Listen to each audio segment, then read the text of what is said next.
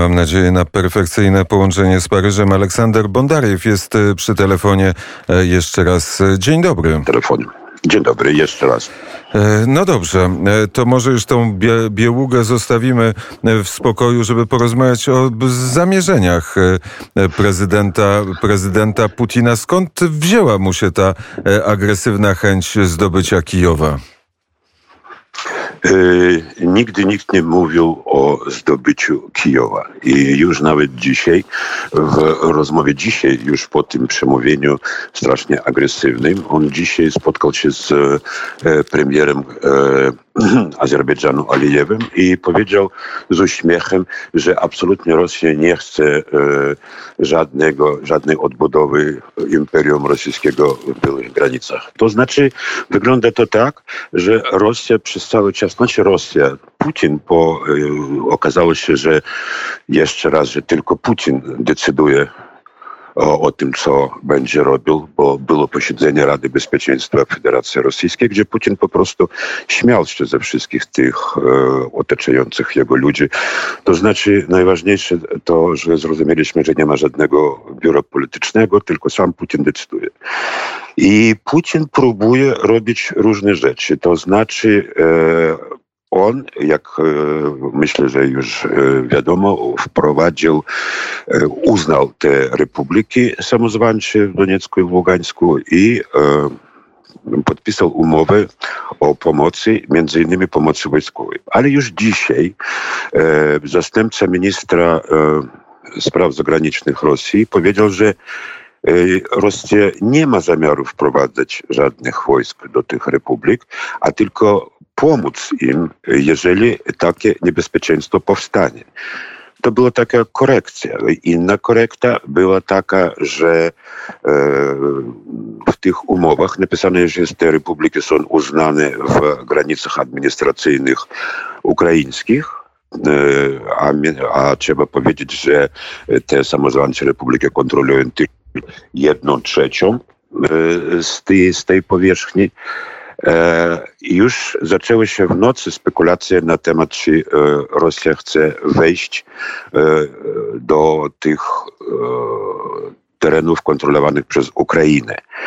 To znaczy przez cały czas to się zmienia, ale wygląda na to globalnie, że już zostało osiągnięte pewne tajne porozumienie między powiedzmy umownym Zachodem, to znaczy Stanami i Europą, a Rosją, że Rosja uznaje niepodległość tych republik, ale w ich realnych granicach obecnych i nie próbuje ich rozszerzyć w zamian za co Stany gwarantują ograniczone sankcje. I rzeczywiście pierwsze, co w nocy powiedziano, w nocy naszej oczywiście e, sekretarz prasowy prezydenta Bidena Psaki powiedziała, że będą sankcje i te sankcje były śmieszne, ponieważ te sankcje dotyczyły wyłącznie tych republik Bogu Ducha Winnych, e, które nic nie zrobiły Stanom Zjednoczonym, żeby e, zabronił finansowania inwestycji i handlu z tymi republikami. Brakowało tylko, żeby zabronił ruchu turystycznego.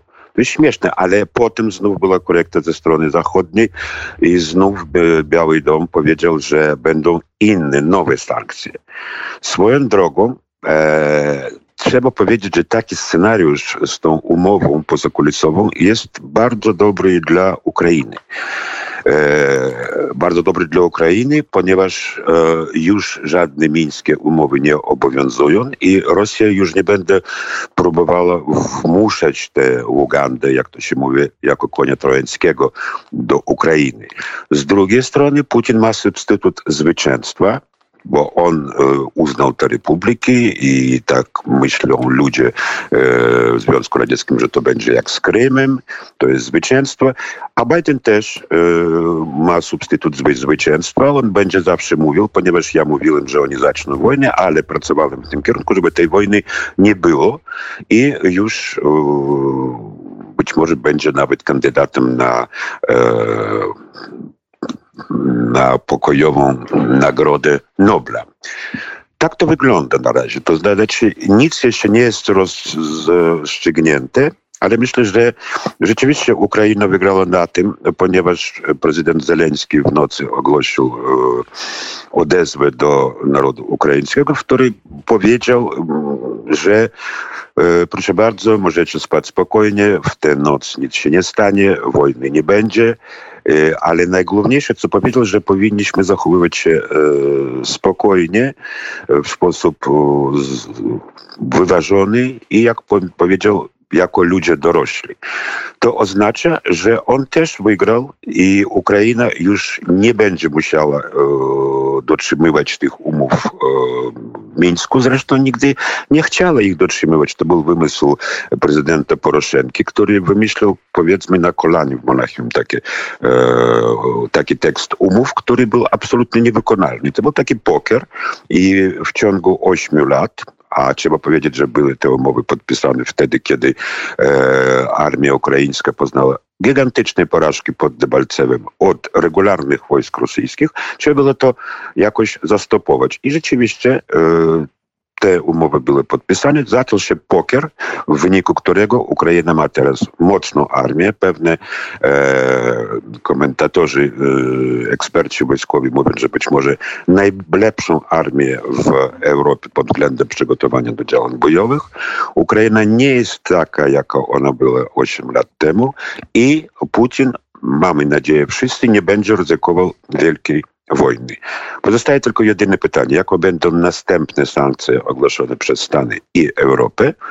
I druga rzecz, e, e, mimo wszystko tam jest 150 tysięcy wojsk e, rosyjskich gdzieś przy granicy z Ukrainą.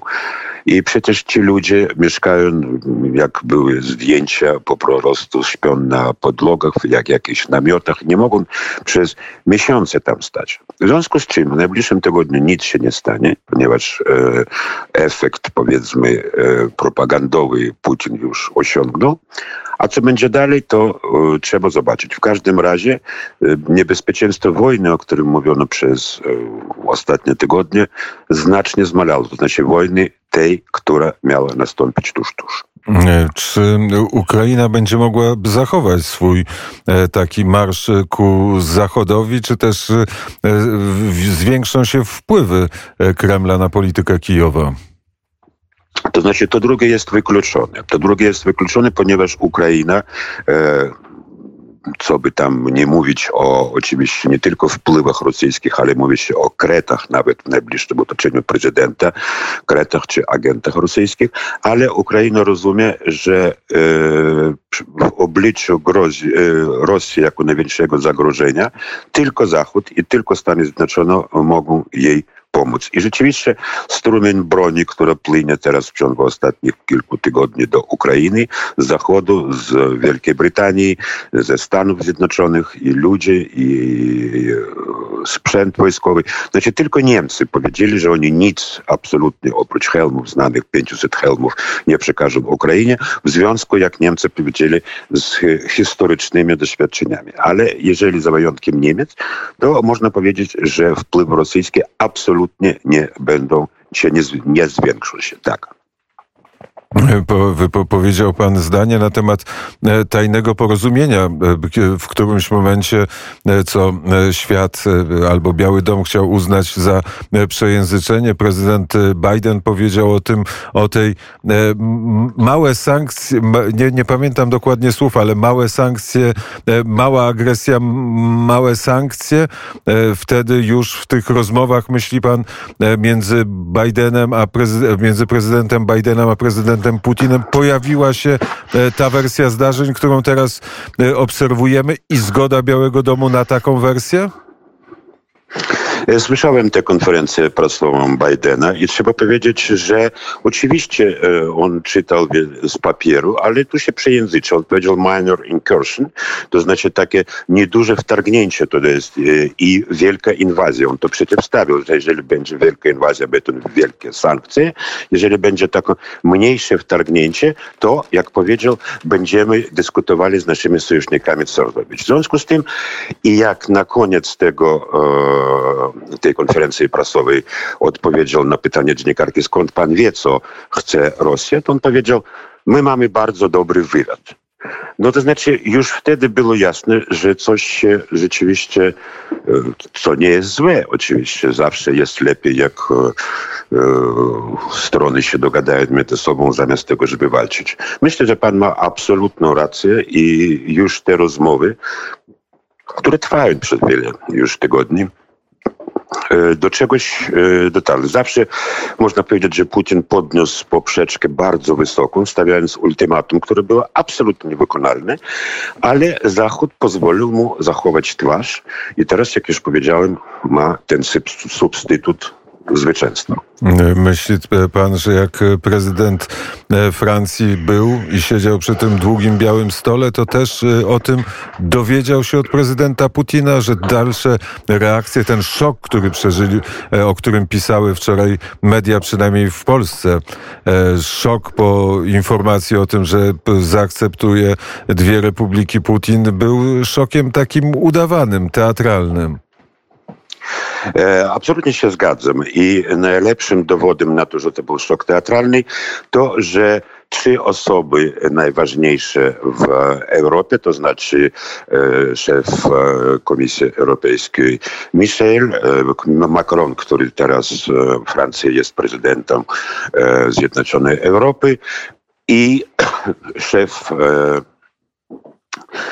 służby zagranicznej, to znaczy Europejskiej Komisji, praktycznie biorąc jednocześnie, w, z różnicą w kilka minut, wypuścili praktycznie biorąc identyczne, praktycznie biorąc identyczne e, mm, odezwy. E, identyczne. To znaczy powiedziano tam, że absolutnie tak, że to jest naruszenie tego, tamtego, ale ta reakcja była powiedzmy nie tyle, że słaba, ale dla mnie było jasne, że jeżeli oni to wszystko mieli już e, jakby to powiedzieć, w zanadrzu i byli przygotowani na to, w odróżnieniu od Ukraińców, e, którzy mimo wszystko przez kilka e, godzin było posiedzenie mm, Biura Bezpieczeństwa Narodowego i dopiero potem prezydent Zeleński wystąpił w telewizji. I po rozmowach z prezydentem Stanów Zjednoczonych, z prezydentem Francji i z kanclerzem i z kanclerzem Niemiec. No tak, ponieważ e, e, kanclerz Niemiec chyba był e, przez Putina, e, jakby to powiedzieć, specjalnie przyjęty, ponieważ jak Macron przyleciał do Moskwy, to nie było mm, ani kompanii honorowej, ani e, jakiegoś dywanika czerwonego. Przyleciał po prostu na puste lotnisko. Natomiast jak przyleciał kanclerz Scholz, e, to była i kompania honorowa, i czerwone lotnisko, i w odróżnieniu od Macrona i wszystkich innych jest nawet zdjęcie, gdzie już nie siedzą po e, różne strony tego długiego e, stołu, tylko po prostu stoją obok siebie i uciskają sobie e, ręce. A trzeba powiedzieć, że dla Rosji Niemcy są ważne z powodu oczywiście e, tej rury, rurociągu Nord Stream. Niemcy powiedzieli, że oni teraz mm, nie będą jeszcze certyfikowali ten Nord Stream, ale wtedy wcześniej też mówili, że to nastąpi nie wcześniej niż w drugiej połowie 2022 roku. Więc e, nic e, się nie stało. E, tak naprawdę nic się nie stało. Jest taki ważny port, Mariupol. To jest to miejsce, na którym na pewno Rosjanom strategicznie zależy, żeby mieć już bliski kontakt z Krymem. Czy tam zachowa swoje, swoje władztwo Ukraina, czy też to będzie taki deser, wisienka na torcie zdobyczy Władimira Putina? E, bardzo dobra analiza. To znaczy, jeżeli e, rzeczywiście wojska rosyjskie mimo wszystko wejdą na teren tych republik i e, spróbują coś zacząć, to oczywiście zacznę od tego, jak tego małego wtargnięcia gdzieś w kierunku Mariupola. To jest najbardziej prawdopodobne, pan ma absolutną rację. I myślę, że oni zrobią coś takiego, że wtargną się i tak jak było w Gruzji, potem odejdą, zachowują, e, zachowując e, mały kawałek, gdzie będzie znów taka e, zapalna, e, jak to e, punkt, czy, czy punkt punkt e, zapalny, jak to się mówi po rosyjsku. I to jest też prawdopodobne, z tym, że na pewno to się nie stanie w najbliższym tygodniu albo dwóch. Nie wiadomo.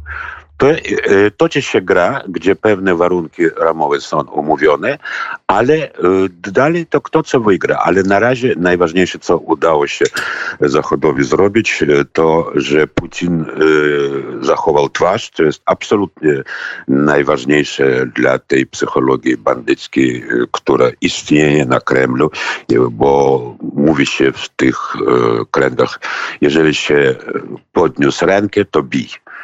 I można powiedzieć, że Putin to zrobił, bo Rosjanie już będą zadowoleni. Część oczywiście będzie zadowolona, jak nie będzie poboru do wojska. No, dlaczego nie? To znaczy, w sumie ma pan absolutną rację, nic się nie stało, ponieważ e, nic się nie stało e, z punktu widzenia sankcji, nic się nie stało z punktu widzenia obecności wojsk rosyjskich e, na Donbasie i nic się nie stało w Ukrainie. E, wprawdzie Ignacy Bojaryn i wiadomości, e, już Ignacy Bojaryn jest już gotowy do tego, żeby najnowsze wiadomości e, Państwu przekazać, ale jeszcze jedno pytanie, korzystając z tego, że Aleksander Bondariew jest przy telefonie. A jak wygląda ta demokratyczna opozycja w stosunku do Putina? Ja patrzę na wywiad Rosjanki, która mieszka w Polsce. My Rosjanie też się boimy, nikt nie jest gotowy umierać za Putina. Taki jest lit tego, tego wywiadu. Dalej w tym wywiadzie mówi, jaki wstyd za to, co e, Rosja wyprawia. Jak, jak, jak silne są, e, czy nadal żyją te e, takie prozachodnie siły w Rosji? Proszę pana, jakby to powiedzieć, że opozycja już w znacznym stopniu została stłumiona po tym, jak memoriał został okazany i były areszty różne. Większość tak zwanych opozycjonistów wyjechała na zachód, najczęściej do Europy Środkowej. I trzeba powiedzieć, że te głosy opozycjonistów prawie nie są słyszalne, a oni też jakby zajmują się, mm, zajmują taką postawę, e, przybierają taką postawę wyłącznie jakby to powiedzieć, wyłącznie tylko o pokój na całym świecie i żeby był pokój za każdą cenę. To znaczy nie mówią agresywnie, że wszystkiemu jest winien Putin, który zaczął tę agresję. To jest bardzo charakterystyczne, że na przykład jeszcze e, kilka lat temu były jakieś manifestacje w Moskwie, e, że wojny nie, jesteśmy z Ukrainą. Teraz nikt nie wyszedł na ulicę. Nikt. To znaczy, że można powiedzieć, że e, opozycja, umownie mówiąc, demokratyczna w Rosji została stłumiona. Powiedział Aleksander Bondariew prosto z Paryża. Bardzo serdecznie dziękuję za rozmowę. To ja dziękuję.